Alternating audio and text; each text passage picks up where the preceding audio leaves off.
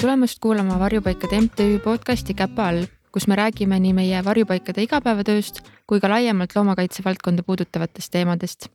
meie oleme saatejuhid Anni ja Pille ning täna räägime Varjupaikade MTÜ asutamisest ja ka tulevikuplaanidest. tänases episoodis on meil külas üks tohutult eriline naine, tänu kella pealehakkamisele ning südikusele on viimase kuueteistkümne aastaga leidnud endale uue kodu tuhanded tänavalt päästetud loomad. ning Varjupaikade MTÜ on just täpselt selline üle-eestiline varjupaikade võrgustik, nagu me seda täna teame. tere tulemast meie podcasti, Triinu Priks. tere küsiks kõigepealt siis sissejuhatuseks, alustuseks, et mis on sinu roll Varjupaikade MTÜ-s, mida sa teed? tänasel päeval ma olen Loomade Heaolu Keskuse juhataja ja olen ka Varjupaikade MTÜ juhatuse liige jätkuvalt. väga tore, aga kui me jätame nüüd selle osa kõrvale, siis noh, sa oled meil kuulanud ilmselt kõiki meie podcast'i episoode ja sa juba tead, mis sind ees ootab. kui me jätame nüüd selle ametinimetuse kõrvale, siis kes sa inimesena oled? Ma olen kindlasti eh, ema oma lapsele, mis siis, et ta on täiskasvanud inimene juba mõnda aega. kindlasti olen ma väga hea naine oma mehele aga ma olen ka loomakaitsja ikkagi kogu aeg, vaatamata sellele, et, et see on nagu nii-öelda mu töö. ja siis äh, olen sihuke uudishimulik äh, inimene laias laastus ja arvuti peal on mul kleepekas tolerest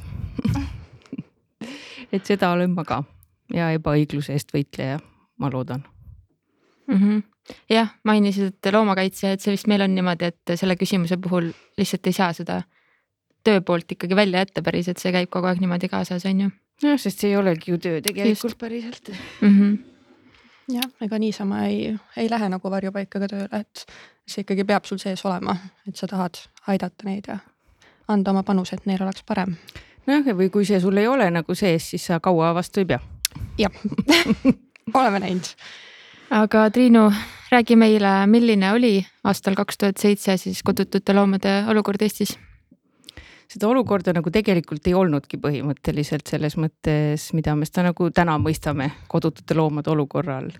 et tänava peal oli ju hästi palju näha hulkuvaid loomi, nii kasse kui koeri ja varjupaikadest ei teadnud tegelikult mitte keegi mitte midagi, et mõned üksikud olid, aga, aga jah, et ütleme, et inimesed tänavalt ei teadnud, et sellised kohad nagu üldse olemas on või noh, ütleme tänapäevases mõistes olukorda ei olnud. ja kui äh, hulkuvat looma nähti, siis see oli nagu paratamatus või? No keegi ei teinud midagi mm -hmm. siis, et äh, ta lihtsalt oli seal tänaval ja kuhu ta siis lõpuks jäi, kui ta kuskil ära kadus, ega seda ju ka keegi ei teadnud mm. -hmm. Mm, kõlab hästi aga millal sa said aru, kas see oligi siis umbes sellel ajal või oli see sul sihuke lapsest saati, et, et millal sa said aru, et nende aitamine on just see, mida sa tahaksid teha? see tabas mind täiesti ootamatult, planeerimatult et äh, esimesed sellised internetiportaalilaadsed või kuulutuste tulpadelaadsed asjad hakkasid tekkima ja seal ma nägin sellist kuulutust, et kes tahab tulla Viljandi varjupaika vabatahtlikuks, et seal on olukord hästi hull ja et läheks prooviks massiga midagi ära teha. mul polnud õrna aimu, kus see varjupaik asub, ma ei teadnud isegi, et üldse varjupaik on Viljandis.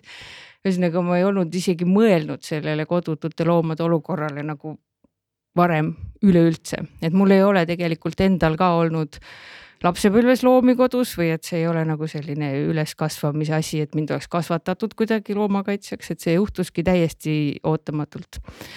et töötasin Viljandi Kultuuriakadeemia muusikaosakonnas õppejuhina ja see ei olnud nagu nii kaugel loomakaitsest, kui üldse olla saab.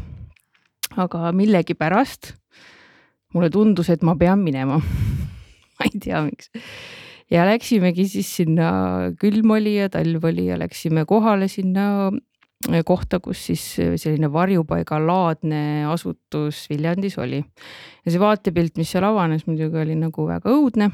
Need koerad olid lühikeste kettide otsas, kassid olid ka kuskil mingisuguses putkas, mingisugustes väike üli,, üliüliväikestes puurides ja, ja seda pidas üks selline pensionile jäänud veterinaar meesterahvas, kes ei saanud üldse aru, et mida me tast tahame, mis me neist loomadest tahame, miks me tema ärisse tahame sekkuda, sellepärast et ta oli füüsilisest isikust ettevõtja ja tema töö oli siis kinni püüda, neliteist päeva seal selle lühikese keti otsas hoida ja magama panna, sest enamasti ka keegi ei teadnud, et eh, tema loom on varjupaika sattunud, sest keegi ei teadnud, et varjupaik on olemas, on ju.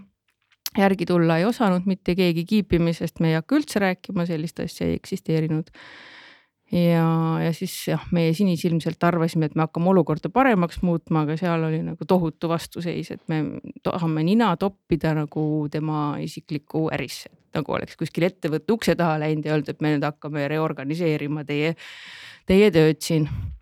aga noh, järjekindlus viib sihile ja siis me hakkasime seal ikkagi käima tihti ja ka väljaspool seda aega, kui tema seal oli, sest me saime ligi nendele loomadele, me saime neile süüa viia ja alles pärast seda ma hakkasin nagu uurima, et mis üldse Eestis loomakaitse valdkonnas toimub, kas üldse toimub, selgus, et meil on Eesti Loomakaitse Selts mõnda aega tagasi asutatud, võtsin nendega ühendust ja siis Loomakaitse Selts hakkas nagu toetama hästi palju. Tal olid juba olemas kontaktid Soome loomakaitsjatega, kust hakati saatma meile süüa loomadele. nii et me saime neile lihtsalt põhimõtteliselt vägisi siis viisime lihtsalt me käisime vägisi jalutamas nendega, seal ikkagi asi kiskus vahepeal juba nagu füüsiliseks täitsa, et oli vaja politsei kutsuda ja igasuguseid selliseid seiku tuli ette. ja siis äh, hakkasime käima Viljandi linnavalitsuse ukse taga neile selgitama, et kuulge, me tahaks nagu midagi teha ja ja, ja see viiski selleni, et ühel hetkel tundus, et tuleb mingisugune juriidiline keha luua selleks, et seda kõike teha, et niimoodi päris vabatahtlikuna lihtsalt ei saa. sest hakkas tunduma, et Viljandi linnavalitsuses peale umbes aasta aega iga natukese aja tagant ukse peale koputamist hakkab seal nagu midagi sulama või neile hakkas tunduma, et need vist järgi ei jäta, enne kui me mingit lahendust neile ei paku. ja siis ühel hetkel öeldigi, et no hea küll et meil on seal linnast natukene väljas üks mingisugune mahajäänud vana veevärgi kinnistu, kus on mõned hooned peal, no aknaid, uksi seal ei ole, vett, elektrit seal ei ole, aga noh, andke siis minna, kui te nii hirmsasti, et suunake oma see energia, millega te meid tüütate, suunake siis nagu sinna. ja siis niimoodi see vaikselt alguse saigi.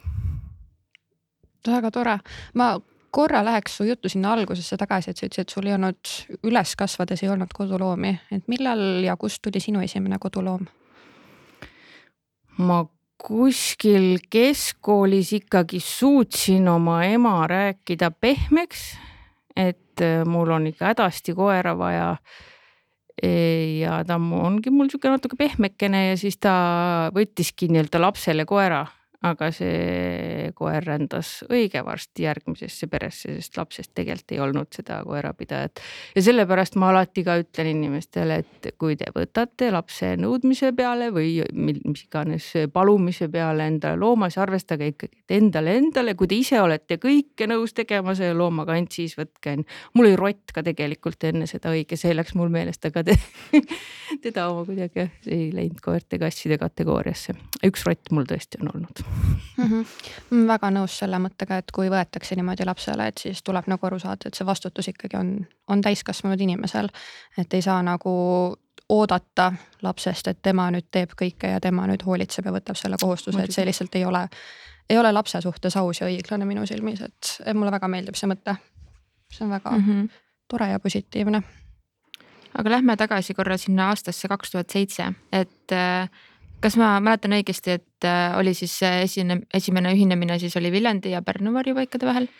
jah, selles mõttes, et äh, siis Loomakaitse Seltsi kaudu ma sain teada, et Pärnus, ähm, Pärnus pidas Loomakaitse Selts sel hetkel tegelikult varjupaika. aga nad ei tahtnud väga seda teha, et nad tahtsid olla rohkem selline eestkosteühing Äh, ja, ja siis neile kohe see mõte nagu klikkis, et ahah, Viljandis ka on mingisugused tüübid, et äh, andsid nõu, et aga tehke siis äh, MTÜ, mis hakkab nagu pidama varjupaikasid. Esialgu, siis et me kohe lahkesti anname Pärnu teie kätte üle. Ja kui Viljandis ühel hetkel siis ka õnnestub teha, et siis oleks Viljandi nagu järgmine, tegelikult oli jah, nagu Pärnu kõige esimene ja siis Viljandi oli edasi. Ja siis kuidagi aeg oli õige mõnes mõttes sihuke nagu Eesti üheksakümnendad varjupaiganduses. et kuskilt järjest nagu tärkasid inimesed välja, et loomakaitse seltsi kaudu siis selgus, et ahah, Võrus on ka üks hullukene pinnale kerkinud, ehk siis Merike Torm, kes on tänase päevani nagu ka meiega on ju pundis ja juhatuses meil et Loomakaitse Selts viis meid Merikesega kokku, seal oli täpselt sama, samasugune olukord, et üks äh, inimene üksinda pidas äh, varjupaika siis niimoodi, et ta ei tahtnud, et äh, sinna sekkutakse, Merike ka seal proovis vabatahtlikuks minna, samamoodi nagu mina Viljandis. ja niimoodi siis vaikselt tulid teised pidi mm. -hmm. ja see seltskond, kellega te siis seal Viljandis päris alguses alustasite, et kas sealt on ka keegi veel tänagi meiega? Äh, otseselt nendest, kellega me vabatahtlikena alustasime, ei ole. sellepärast, et me alguses olime aasta aega, tegime täiesti vabatahtlikkuse alusel, et äh, kui me selle äh, nagu hoone sealt esimese kätte saime, siis ma läksin koju, ütlesin mehele, nüüd on sihuke lugu, et ma pean töölt lahkumise avalduse andma, sest et keegi peab seda asja hakkama tegema, et muidu meil ei ole nagu mõtet seda noh, nalja teha seal või noh, töö kõrvalt nagu ei saa, et see on liiga suur vastutus. ja need inimesed on nagu ära kadunud kõik küll aga niipea, kui ma sealt sahmerdama hakkasin, tekkis mul ukse taha lapsevankriga Siiri, kes on täna meie Viljandi varjupaiga juhataja, aga samamoodi kuusteist aastat meiega pundis olnud, küsis, mis teed siin. ütlesin, no ma teen, üritan siin kassidele mingit maja ehitada. siis tema omal hakkajal moel, nagu ta on, on ju, ütles, et ah, hea küll, pargin käru ära siia, ma elan siin üle tee, et mida vaja on ja noh, nii me siis kahekesti nagu seal tükk aega seda asja ajasime. Mm.. kõlab hästi. Ma kujutan ette, kuidas see Siri oli seal lapse käruga ukse taga. Davai, hakkame tegema. Äh, okay.. aga kui te hakkasite seda oma hoonet seal Viljandis siis tegema või noh, teile eraldatud hoonet, et mis seal esialgu olid siuksed kõige suuremad takistused? No takistus oligi see, et mitte kuskile ei olnud loomi panna ja no seal ei olnudki reaalselt no voolu ei olnud, vett ei olnud mitte midagi, siis eks siis oli vaja minna Viljandi akenjõuks, kas teil on mingisuguses suuruses aknaid järsku, mis on valesti läinud või on ülearu või uksi on ju, no ikka leiame, siis jah, tuli seal mõned augud laduda lihtsalt ümber, et need aknad, mis me saime sinna ette mahuksid on ju ahaa, noh, elektrit ei ole, aga kõrvalmajas, mis praegu on ka varjupaigamaja, seal oli Viljandi siis kodutute inimeste turvakodu. siis sinna me vaikselt eh, niimoodi pikk, väga pikk pikendusjuhe käes imbusime sisse ja sorkasime selle kuskile esimesse pistikupessa, mis meile ette jäi. nii me saime voolu. ja noh, siis ühel hetkel rääkisime seal Viljandi kanalisatsiooni ja veeettevõttega, kes pani sinna vee sisse ja niimoodi ta jupikaupa nagu läks järjest, et. aga jah, Loomakaitse Selts aitas ikkagi seal ka väga palju, et, et siiani seal püsti olev üks päris sihuke algeline koeramaja on jah, on Loomakaitse Seltsi abiga üles ehitatud, et. et jah mm, -hmm. hakkasime rääkima kõvasti, mis me teeme ja siis inimesed tulevad ju appi, kui neile tundub, et sa teed mm -hmm. midagi õigesti või hästi või aitad kedagi, et siis tuleb kohe teisi ka.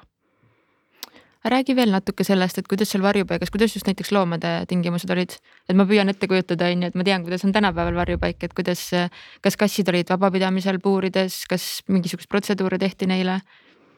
sa pead nüüd silmas seda juba, mis meie tegime või ja, seda eelmist? kui te, kui te alustasite seal no. just ja kassid olid ikka puurides, nendes äh, vanades heades äh, koerte näitusepuurides on ju mustades.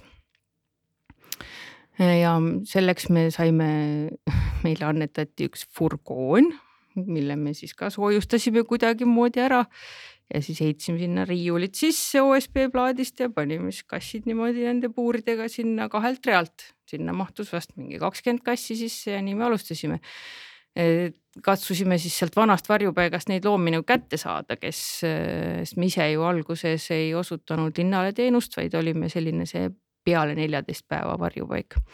et käisime nuiamas seal siis, et me teadsime, millal kellelgi neliteist päeva täis saab ja siis äh, käisime ja küsisime, kas me saaksime nüüd endale, siis meid vaadati küll nagu, et miks aga noh. ja siis viisime ära, et alguses jah, olid meil ainult kassid ja siis äh, Viljandi linn kuulutas välja riigihanke alates kaks tuhat kaheksa aastast, siis me võitsime selle riigihanke ära ja siis hakkasime koeri ka pidama. et jah, eks nad olid algul ka meil ketis, aga õnneks hästi ruttu me saime siis selle koeramaja sinna ehitatud, kus on kuus, kuus või seitse koeraboksi mm. -hmm. et jah, ja siis noh, eks me vajaduspõhiselt hakkasime vaatama, noh, kiibistamine on meil nagu algusest peale olnud hästi tähtis, seda me oleme nagu esimesest päevast alates teinud, loomulikult vaktsineerimist ka ja noh, steriliseerimine, kastreerimine oli nii, kuidas vähegi rahakott võimaldab, sest alguses oli ju kõik oma raha peal ja noh, tegelikult ega siis omavalitsus ei maksnud ju ka nende veterinaarprotseduuride eest, et see on ikka puhas annetajate toetusel. aga kuidas inimesed annetasid too aeg, oli ikka neid, kes? Jah, ma pean tunnistama, et see aeg on juba nii kaugel, et, et ma nagu väga detailselt seda ei mäleta aga noh, ikkagi annetuskaste me oleme saanud üpris algusest peale üles panna linnaraamatukokku kuskile kaubanduskeskusesse, põhimõtteliselt see vähene sularaha, mis sealt niimoodi tuli. selle eest jälle said ikkagi noh, hommikul läksid poodi, vaatasid, kus, kus kõige suurem sooduspakkumine kassikonservidel on, et sealt siis läksid ja ostsid selle päeva koguse põhimõtteliselt noh, niimoodi päev mm -hmm. päeva kaupa käis, et tänapäeval seda enam ei kujuta ette mm. -hmm ja ma olen natukene ma lihtsalt, no ma isiklikult sellel ajal käisin esimeses-teises klassis ja noh, selle, ma nagu üldse ei tea, mis see loomakaitse selles, sellel ajal oli mm. -hmm. ja mul on nagu sihuke natukene ikka olen kuulnud siit-sealt ja aga üsna sihuke šokeeritud on olla, et väga lahe tegelikult, et kustkohast me oleme nagu alguse saanud ja mis tingimustest ja kuhu me oleme kasvanud, et see on nii imetlusväärne ja nii sihuke suursugune ja ma aga mis sa ise ütleksid, et kuidas on võib-olla üleüldiselt see loomapidamiskultuur kogu selle aja jooksul muutunud? no loomulikult, et selle aja jooksul ta põhimõtteliselt ongi tekkinud alles Eestis on ju mm. -hmm. ja on ka hästi palju muutunud. Et kiibistamine, steriliseerimine, see on juba ju tegelikult täiesti nagu igapäevane, et keegi ei tee enam suuri silmi, kui sa ütled, et peaks kiibistama, steriliseerima, et pigem ja, ja. tänaval ju me ei näe enam koeri, no sellel ajal võis ikkagi olla see, et olidki mingisugused noh, hulkurid koerad ka, et kes lihtsalt sinna ja tänna ja, ja polnudki neil nagu omanikku, eks, et siin Tallinna lähedal ma olen kuulnud, et eriti olid mingisugused täitsa sellised koerakarjad. üheksakümnendatest mäletan, et ma ise Nõmme kandis elasin ja seal oli küll selliseid mm -hmm. ja, ja nii nagu noh, tänapäeval on nagu metsikud kassid on ju, siis olidki siuksed nii-öelda poolmetsikud koerad, et. just, et noh, see on nagu täiesti kadunud ja peaaegu kadunud on ikkagi kassikolooniad, mis olid sellel ajal noh, ma ei tea, Viljandis kuskil ja ilmselt ka mujal eh, nende suurte elamurajoonide juures ikkagi ümber maja olid nagu paksult, et keldrid olid kõik lahti ja seal neid söödeti ja nad paljunesid ja neid oli nagu hästi palju, et ka see on nagu kadunud. Eh, noh, vanasti kelgi, kergitanud keegi kulmugi, kui öeldi, et mm, ma viin nii-öelda merekooli oma kassipojad on ju noh, ahah, noh praegusel hetkel võib-olla enam kõva häälega keegi nagu isegi sellest ei räägi, et, et nagu siuksed asjad on muutunud, et ma, ma pigem muretsen, et see no, hakkab sinna teise äärmusesse kalduma, kus me näeme nagu loomi nende roosade kleitidega ja, ja, ja, ja kübarakestega, et, et see nagu peaasi, et me nagu päris nagu sinna ära ei lähe, et, et kass ei saa enam kass olla ja koer ei saa enam koer olla, vaid nad on mingisugused, ma ei teagi, mis asjad on ju. et, et see on nagu minu mure mm. -hmm ja ilmselt ka omavalitsuste poole pealt on see suur areng toimunud, on ju, et kuidas vaadata, kuidas praegult on kerkinud äh, kaasaegsed varjupaigahooned ja. jah, ma julgen öelda, et me oleme neid arendanud. jah jah, ma arvan ka, et see varjupaikade MTÜ-l on ikka väga suur roll selles kõiges ja,. jah, jah, et me oleme suunanud mm. -hmm. jah. okei okay,, aga räägi meile, mis on äh, selle valdkonna, selles valdkonnas töötamise juures kõige keerukamad asjad võib-olla ja, ja mis on need asjad, mis sulle rõõmu toovad? rõõmu toovad loomad, keerukaid asju toovad ainult inimesed et seda teate te ise ka väga hästi kindlasti. et, et kõige, kõige keerukamad asjad on jah, selline või noh, kõige, kõige raskemad hetked on mul olnud ikkagi ainult, ainult seoses inimestega ja sellised ütleme, sellise üleoleva või, või, või kuidas ma ütlen, et mulle on öeldud näiteks a la, kui ma olen just tulnud kuskilt maantee pealt noh, enam-vähem labidaga mingisugust allaaetud looma kokku lükkamast, siis keegi mulle telefonis ütleb, et no mis teie neiu seal soojas kontoris ikka nagu teate mm -hmm. asjadest ja noh, nii edasi, et. et siuksed ülekohtused asjad on need, mis nagu, mis on kõige, kõige nagu raskemad või kui sa saad nagu mm, sõimata kellegi käest, ilma et sa oleksid midagi teinud, et tahad nagu head, aga aga saad, saad nagu pikki päid inimeste käest, et, et jah, loomadega on lihtsam, aga meie töös paraku me peame ka kokku puutuma inimestega hästi palju. ja, mis ma ise olen äh, toonud võrdlusmomendiks või kuidagi enda jaoks lahti mõtestanud selle, et ma olen varasemalt ise hästi palju töötanud just äh, lihtsalt tavalises klienditeeninduses.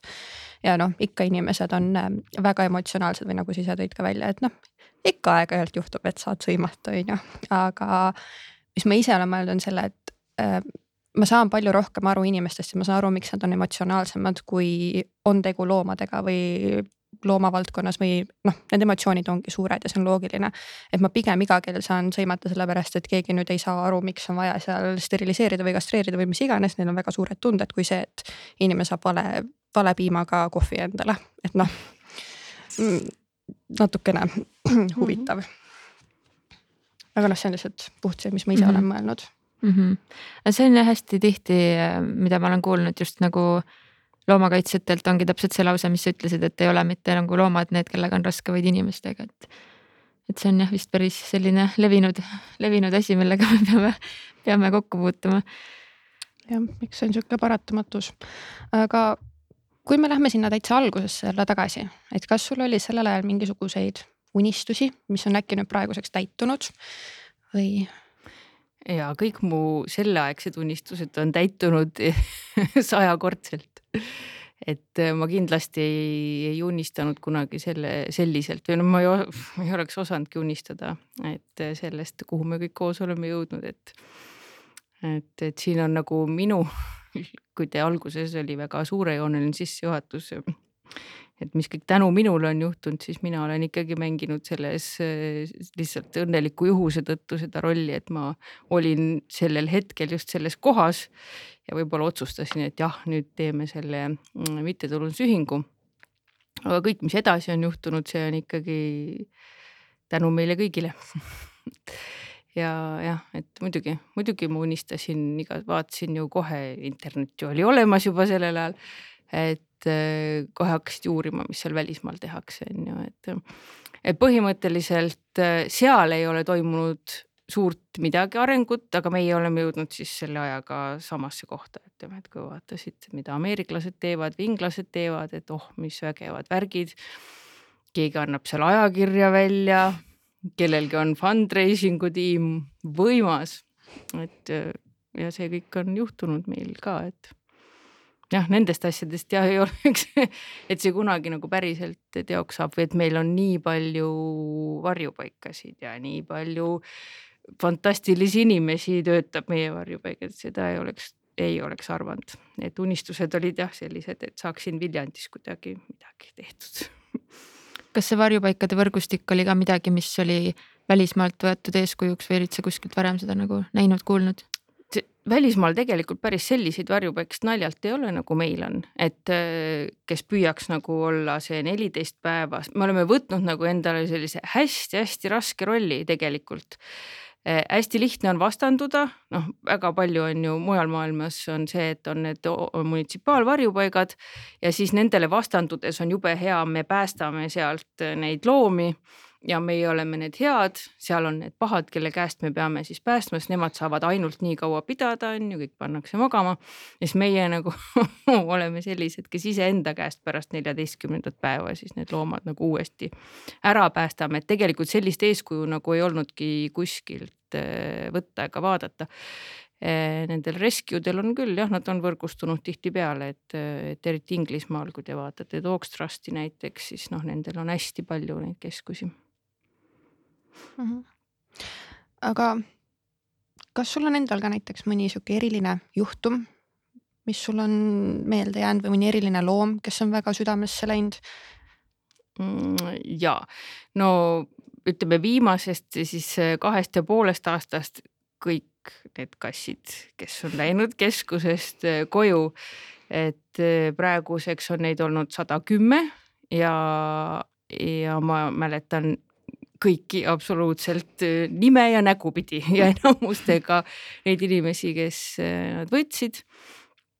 Aga sealt päris algusaegadest ma mäletan, et meil oli üks väga naljakas koer, kelle nimi oli Mõmmi ja kes oli selline nagu Rottweileri värvides ja siis ta oleks samal ajal nagu pandud erinevatest koertest kokku kõikidest võimalikest tükkidest, tal oli mingi nahahaigus, nii et tal oli laiguti karv puudu ja siis tema silmamunad olid suuremad kui need koopad, kuhu need oleks pidanud mahtuma. Ja me mõtlesime, mitte kunagi ei leia sellele koerale kodu, aga ta oli nagu hästi elurõõmus. ja lõpuks tuli üks naisterahvas, kes pakkus talle kodu ja siis mõmmi saatis meile kõik aastad terve oma elu jõulukaardi ja tervitusi pärast seda, no tema ei lähe mul küll nagu kindlasti mitte kunagi meelest ära, et see oli jah mingi täitsa, ta ei näinud üldse nagu koer välja ma ei tea, mis need sugulased seal eespool olid. aga leidub inimesi, kes tahavad ka sellistele koertele kodu pakkuda või üldse sellistele loomadele, et, et äh, inimestesse tasub uskuda, inimesed on tegelikult äh, toredamad, kui, kui arvatakse. jah, et kui me räägime, et inimestega on vahest keeruline, siis tegelikult tulebki mõni selline ülihea suure südamega inimene, kes noh, pakubki kodu võib-olla sellisele loomale, kes nii lihtsalt ei leiaks, on ju. jah, et sa nagu, sa saad seda, mis sa ise nagu ootad või inimesed vastavad ikkagi üldiselt su ootustele, kui sa ootad, et kõik inimesed on nagu nõmedad, siis sa seda saadki. ja kui sa ootad seda, et inimesed on head ja nad tahavad kõikidele loomadele kodu pakkuda ja, ja siis nad seda ongi tegelikult mm. -hmm aga sul läks jutt siin korra keskuse peale. Ehm, ma ei tea, kas nüüd meie kuulajad teavad nii väga, aga mis asi on Loomade Heaolu Keskus, mille poolest see erineb tavalisest varjupaigast? loomade Heaolu Keskus on nüüd ainukene asukoht, mis on täiesti meie oma. et eh, varjupaikades me tegutseme ikkagi kellegi teise pinnal ja me tegutseme kellegi omavalitsuste heaks ja kui nemad leiavad, et äh, tuleb keegi teine ja näiteks äh, soodsamalt natukene pakub sedasama võimalust, äh, siis meid vahetatakse seal välja ja need ei olegi nagu jah, nad on küll meie varjupaigad, aga nad on täpselt senikaua, kuni meil on leping selle omavalitsusega. keskus on meie täiesti enda oma asukoht, üle seitsme hektari maad ja mõned majakesed Viljandimaal mille me saime soetada tänu sellele, et kunagi üks, üks armas inimene jättis meile oma testamendis äh, Pärnusse korteri, mille me müüsime siis äh, mitmete aastate pärast maha, kui aeg oli küps, et keskust hakata tegema. ja nii see juhtuski et ja keskus ei käi loomi püüdmas, nii nagu varjupaigad, keskusesse jõuavad loomad kas siis, kui Põllumajandus- ja Toiduamet otsustab nad omanikult ära võtta. Äh, keskusesse jõuavad loomad, tänasel päeval ma räägin loomad, siis ma mõtlen tegelikult kassid. Äh, siis, kui inimene mingil põhjusel enam ei saa oma looma pidada või mõni tema lähedane enam ei saa looma pidada.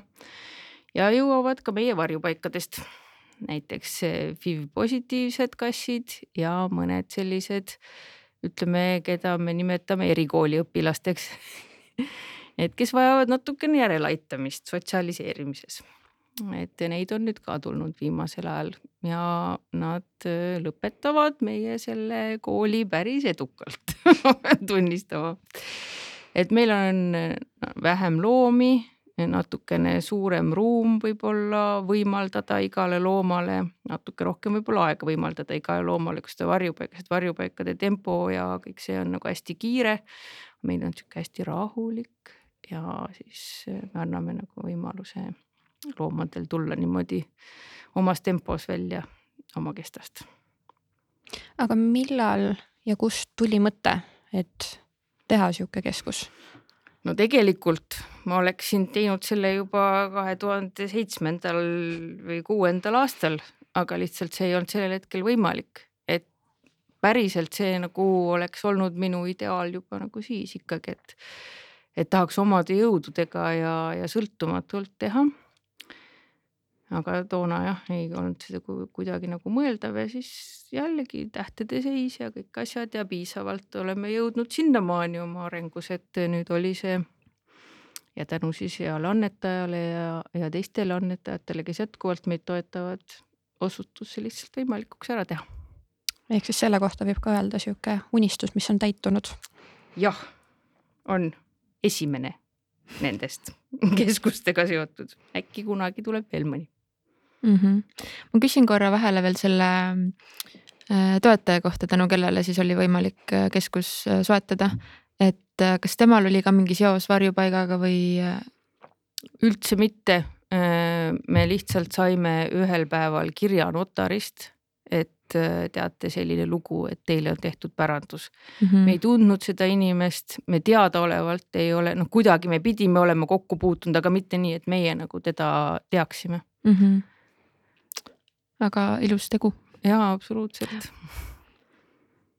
ja mina kohe siis äh, tahaks rääkida ka väekassidest natukene ütleks, et sihuke üks minu, minu jaoks väga üks põnevamaid teemasid äh, keskuse juures, et äh, et äh, on kerkinud väekasside aedik ja seal on mõned väekassid juba sees ka, et räägi, kes nad on ja jah, et selle termini eestikeelse oleme me ise siis välja mõelnud, kuna kohtasin sellist väljendit, et äh, inglise keeles nagu spirit cats äh, kutsuvad ameeriklased selliseid kasse, kes on natukene särtsakamad ja vähem sotsialiseeritud inimestega või noh, põhimõtteliselt sotsialiseerimata kassid siis ja siis hakkasin mõtlema, et kuidasmoodi see eesti keeles võiks äh, kõlada, noh, spirit võiks ühe võimalusena olla vägi, on ju. ja noh, ma olen nüüd tagasisidet ka näinud, et, et äh, inimesed, kes seda näevad esmakordselt, mõtlevad, et me tegeleme mingisuguste esoteeriliste teemadega seal keskuses, aga nii see ei ole. Täiesti maised, igapäevased tavalised asjad, aga minu meelest kõlab nagu hästi, et nad tõesti, nad on väga väekad, sest nad julgevad inimesele vastu astuda erinevatel põhjustel. ja, ja siis äh, mõtlesimegi, et kuidas nagu nendega tegeleda, sest tegelikult varjupaigas ju ei saa sellist kassi, kes on pidevas stressis, kui ta näeb inimest lähedalt, noh, teda ei ole võimalik ju seal puuris lõpmatuseni hoida. Eestis äh, ei ole ka lubatud ega ega kogemust ega tava lasta neid loomi peale lõikamist tänavale tagasi, nii nagu paljudes äh, soojema kliimaga piirkondades tehakse ja siis pidime leidma mingisuguse lahenduse, mõtlesime, proovime, teeme sellise hästi suure aia, mis on äh, ka sissepoole pöördega ehk et kassid ei saa sealt välja ja siis pöördusime Lasitemaja poole, kes annetas meile kaks suvemaja väikest sinna sisse, et kassid saavad ikkagi minna ka peitu, kui nad soovivad sinna ilmastikuolude eest. ja sinna aedikusse siis kvalifitseerumiseks tuleb olla väga söakas tuleb olla eelnevalt kindlasti elanud tänaval ka külmal ajal, sellepärast et seal ei ole kütet. aga seal on neil sellised äh, mis valge penoplastist jah, kastid, mille sees on omakorda igasugused äh, soo-, sooja andvad materjalid ja siis äh, nii palju on neil parem kui tänaval kindlasti, söök on kogu aeg ees, eks ju, vihma pähe ei saja. Äh, et kõik on nagu olemas. ja sinna meil nüüd on siis läinud kümme kassi. tänaseks päevaks on ka meil juba üks vilistlane ehk siis üks kass on tagasi kes otsustas ära sõbruneda ja tema on nüüd tagasi toas. ja mulle tundub, et sealt kohe varsti on paar tükki talle järgnemas.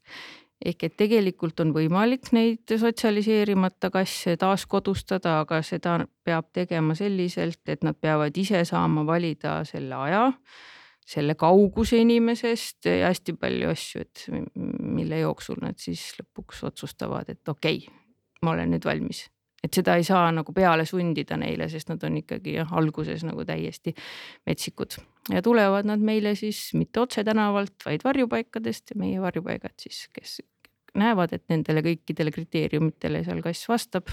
noh, ta peab terve olema, ma ei saa haiget looma sinna panna, sest ma ei saa teda ravida. ja nii nad seal siis meil elavad väga kenasti, et iga päevaga, nüüd on ikkagi nii, et kui ma lähen sinna toimetama, siis ma näen neid kõiki alguses mitu kuud noh, oleks nagu aedik tühi olnud, nagu mitte ühtegi kassi ei ole, ma ometi tean, et nad on seal, aga no ei näe. aga nüüd tulevad ikkagi kuskilt maalt kõik piiluvad juba ja mõni tuleb päris lähedale mm. -hmm. nii tore. Pille, sa ju ise toimetasid Tallinnast kaks kassi sinna kohale, et. Ja see oli paras väljakutse. see oli suve alguses, kui ma tõin sulle sinna kaks kassi ja siis see oli hästi sihuke varahommikul.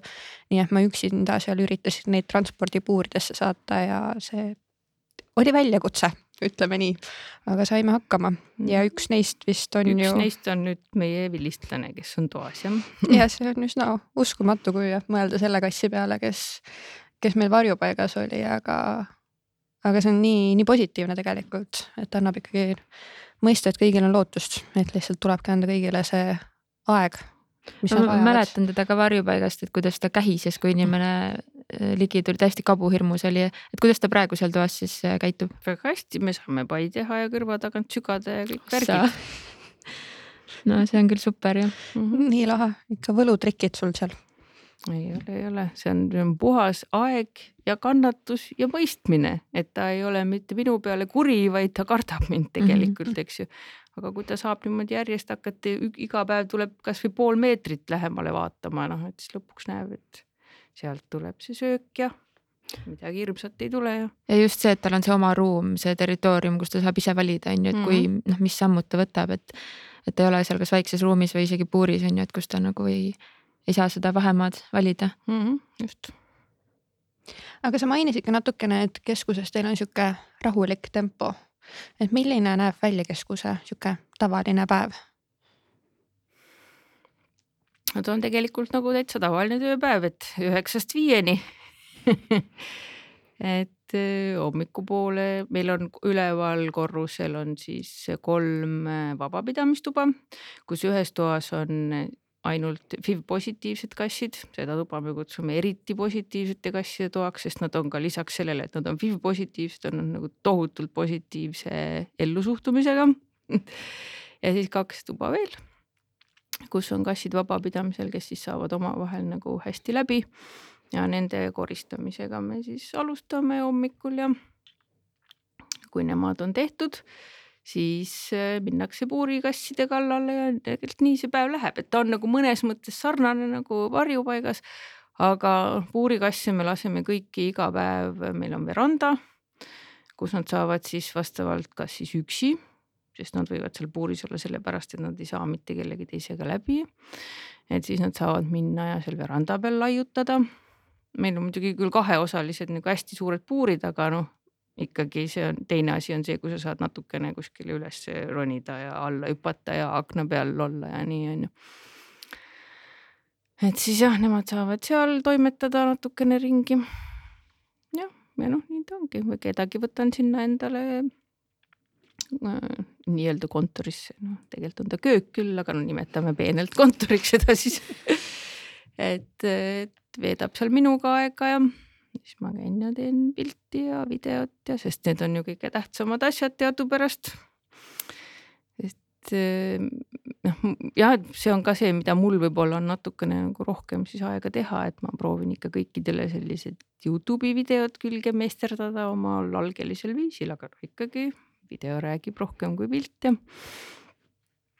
ja mudin seal neid tekste ja saadan siis koju loomi ja ja vahel võtan vastu ja. Läheb palju koju või? viimasel ajal on nüüd järsku hakanud kuidagi järjest rohkem minema. kõik kuulsid mm -hmm. jah, ma kooputasin, ma ei taha nagu ära sõnada, sest varjupaigas ei tohi kunagi rääkida, et oi küll, täna on vaikne päev siis on teada kohe, mis edasi juhtub, on ju, või, või nüüd läheb nii palju loomi koju, siis ei lähe jälle kedagi, et ära ei tohi sõnada aga jah, praegu on järjest läinud kõik need tõesti, ütleme kaks tuhat kakskümmend üks september tulid meil esimesed kassid. Tuli üle neljakümne kassi ühe päevaga, et tegelikult sellest me ei rääkinudki, et miks me pidime selle mm -hmm. keskuse maja nagu niimoodi kasutusele võtma, et meil tegelikult olid ikkagi suured plaanid enne seal teha, ehitada ja möllata ja mitte sellesse elumajja üldse kasse sisse võtta, aga siis, kui Põllumajandus-Toiduamet ütles, et nüüd me lähme nagu kahte kohta täna, ühest kohast tuleb kolmkümmend neli ja teisest vist mingi neliteist, et ja olge nüüd nii kenad siis ma mõtlesin, et okei okay,, okei okay,, Tallinna varjupaik oli ka püst, puupüsti täis onju, mis me nüüd siis teeme? noh, siis läksin, ärandasin Viljandi varjupaiga bussi ja sõitsin Tallinnasse, toppisin need nelikümmend, ma ei tea, pluss kassi sinna eraldi puurides sisse ja siis ja sealt sain veel hunniku neid samu näitusepuure, et kuhugi oleks koha peal kassid panna ja kust veel vähegi mingeid puure sai ja ja nii ta siis läks, tavaline elumaja on see, et suurde tuppa sai püsti pandud see, see laatsaret alguses seal. ja siis vaikselt vaatama hakatud, et kus, kuidas me nüüd edasi saame, et. ja nendest neljakümnest paljud siis on koju saanud? ma arvan, et nendest on meil alles praeguseks no kindlasti alla kümne võib-olla seal kuskil kümne kandis, aga nendest enamus nendest kassidest olid ka täiesti sotsialiseerimata. nii et see on, ma arvan, päris suur saavutus, et nad on mm, -hmm. et väga paljud on meiega kohanenud, aga ikkagi mõni jätkuvalt selline, et ma võin su näppu nuusutada, aga ära nagu rohkem ürita midagi. Nad ei susise, aga noh, pigem nagu hoiavad eemale ikkagi, kui tahaks nagu midagi nendega teha aga ka nendest on mitmed koju saanud ja, ja kodus varsti tulevad väga head uudised, et ikkagi seal nagu, kui nad on üksinda ja ainult nendega tegeletakse, et siis, siis kõik laabub tegelikult, et ma julgustan kõiki võtma selliseid keerulisemaid kasse ka, et tegelikult kodus nad lähevad nagu hästi ruttu lahti mm. -hmm. ja seda me oleme hästi palju ise ka näinud, et, et koduses keskkonnas ikkagi täiesti sihuke imeline muutus võib teinekord toimuda, et mm. -hmm.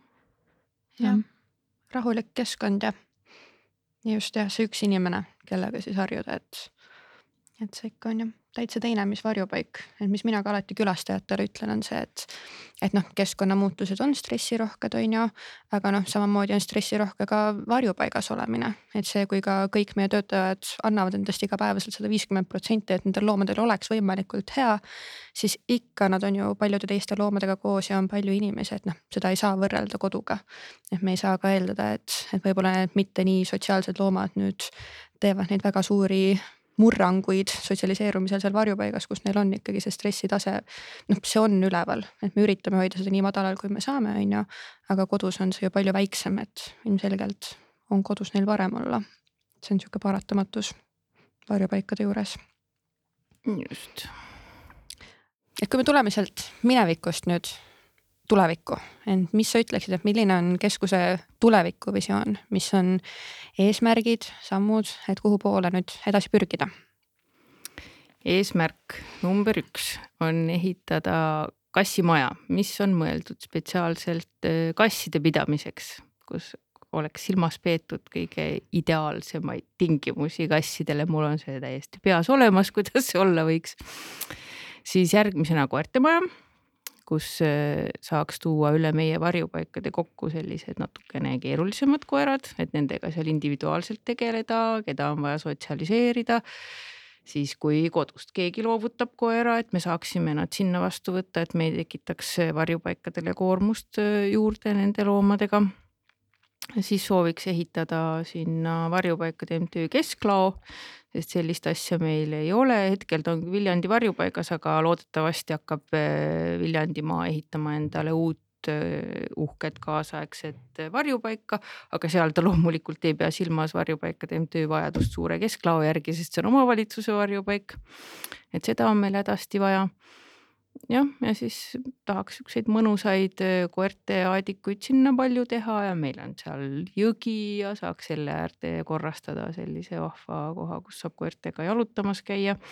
ja siis sellest peamajast, mis praegult on maast laeni kasse täis, tahaks teha sellise koha, kus saab äh, koolitada inimesi, lapsi koolitada, sest hästi palju tahetakse käia meie varjupaikades ekskursioonidel nii lasteaia kui siis ka koolilastega, aga päris keeruline on mõnes kohas neid vastu võtta, kus meil pole põhimõtteliselt töötajatelgi ruumi, kus kohvi juua, et kus sa siis, kus sa siis selle lasteklassi nagu vastu võtad, et, et teeks tast jah, sellise mõnusa koha, kuhu, kuhu tulla kasvõi niisama aega veetma, kes teab, võib-olla ühel hetkel kohvik, väike lemmiklooma arvete nurgakene pood.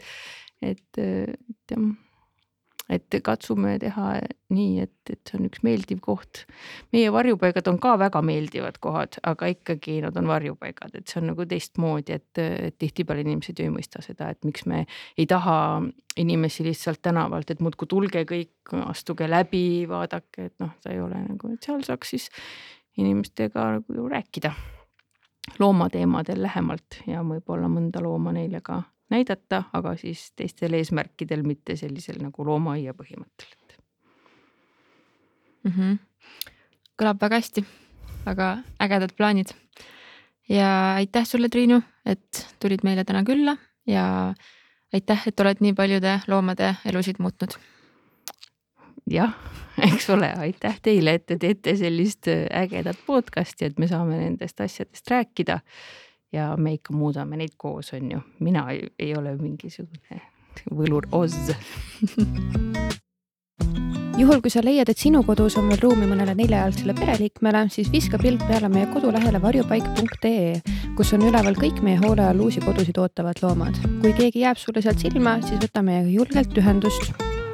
kui sa ka looma võtta ei saa, aga siiski tahad oma panuse anda, siis äh, kõik erinevad toetusvõimalused on samuti üleval meie kodulehel Eh, suur aitäh sulle, et veetsid selle aja meiega ja kui sul on kodus lemmikloom, siis tee talle meie poolt pai.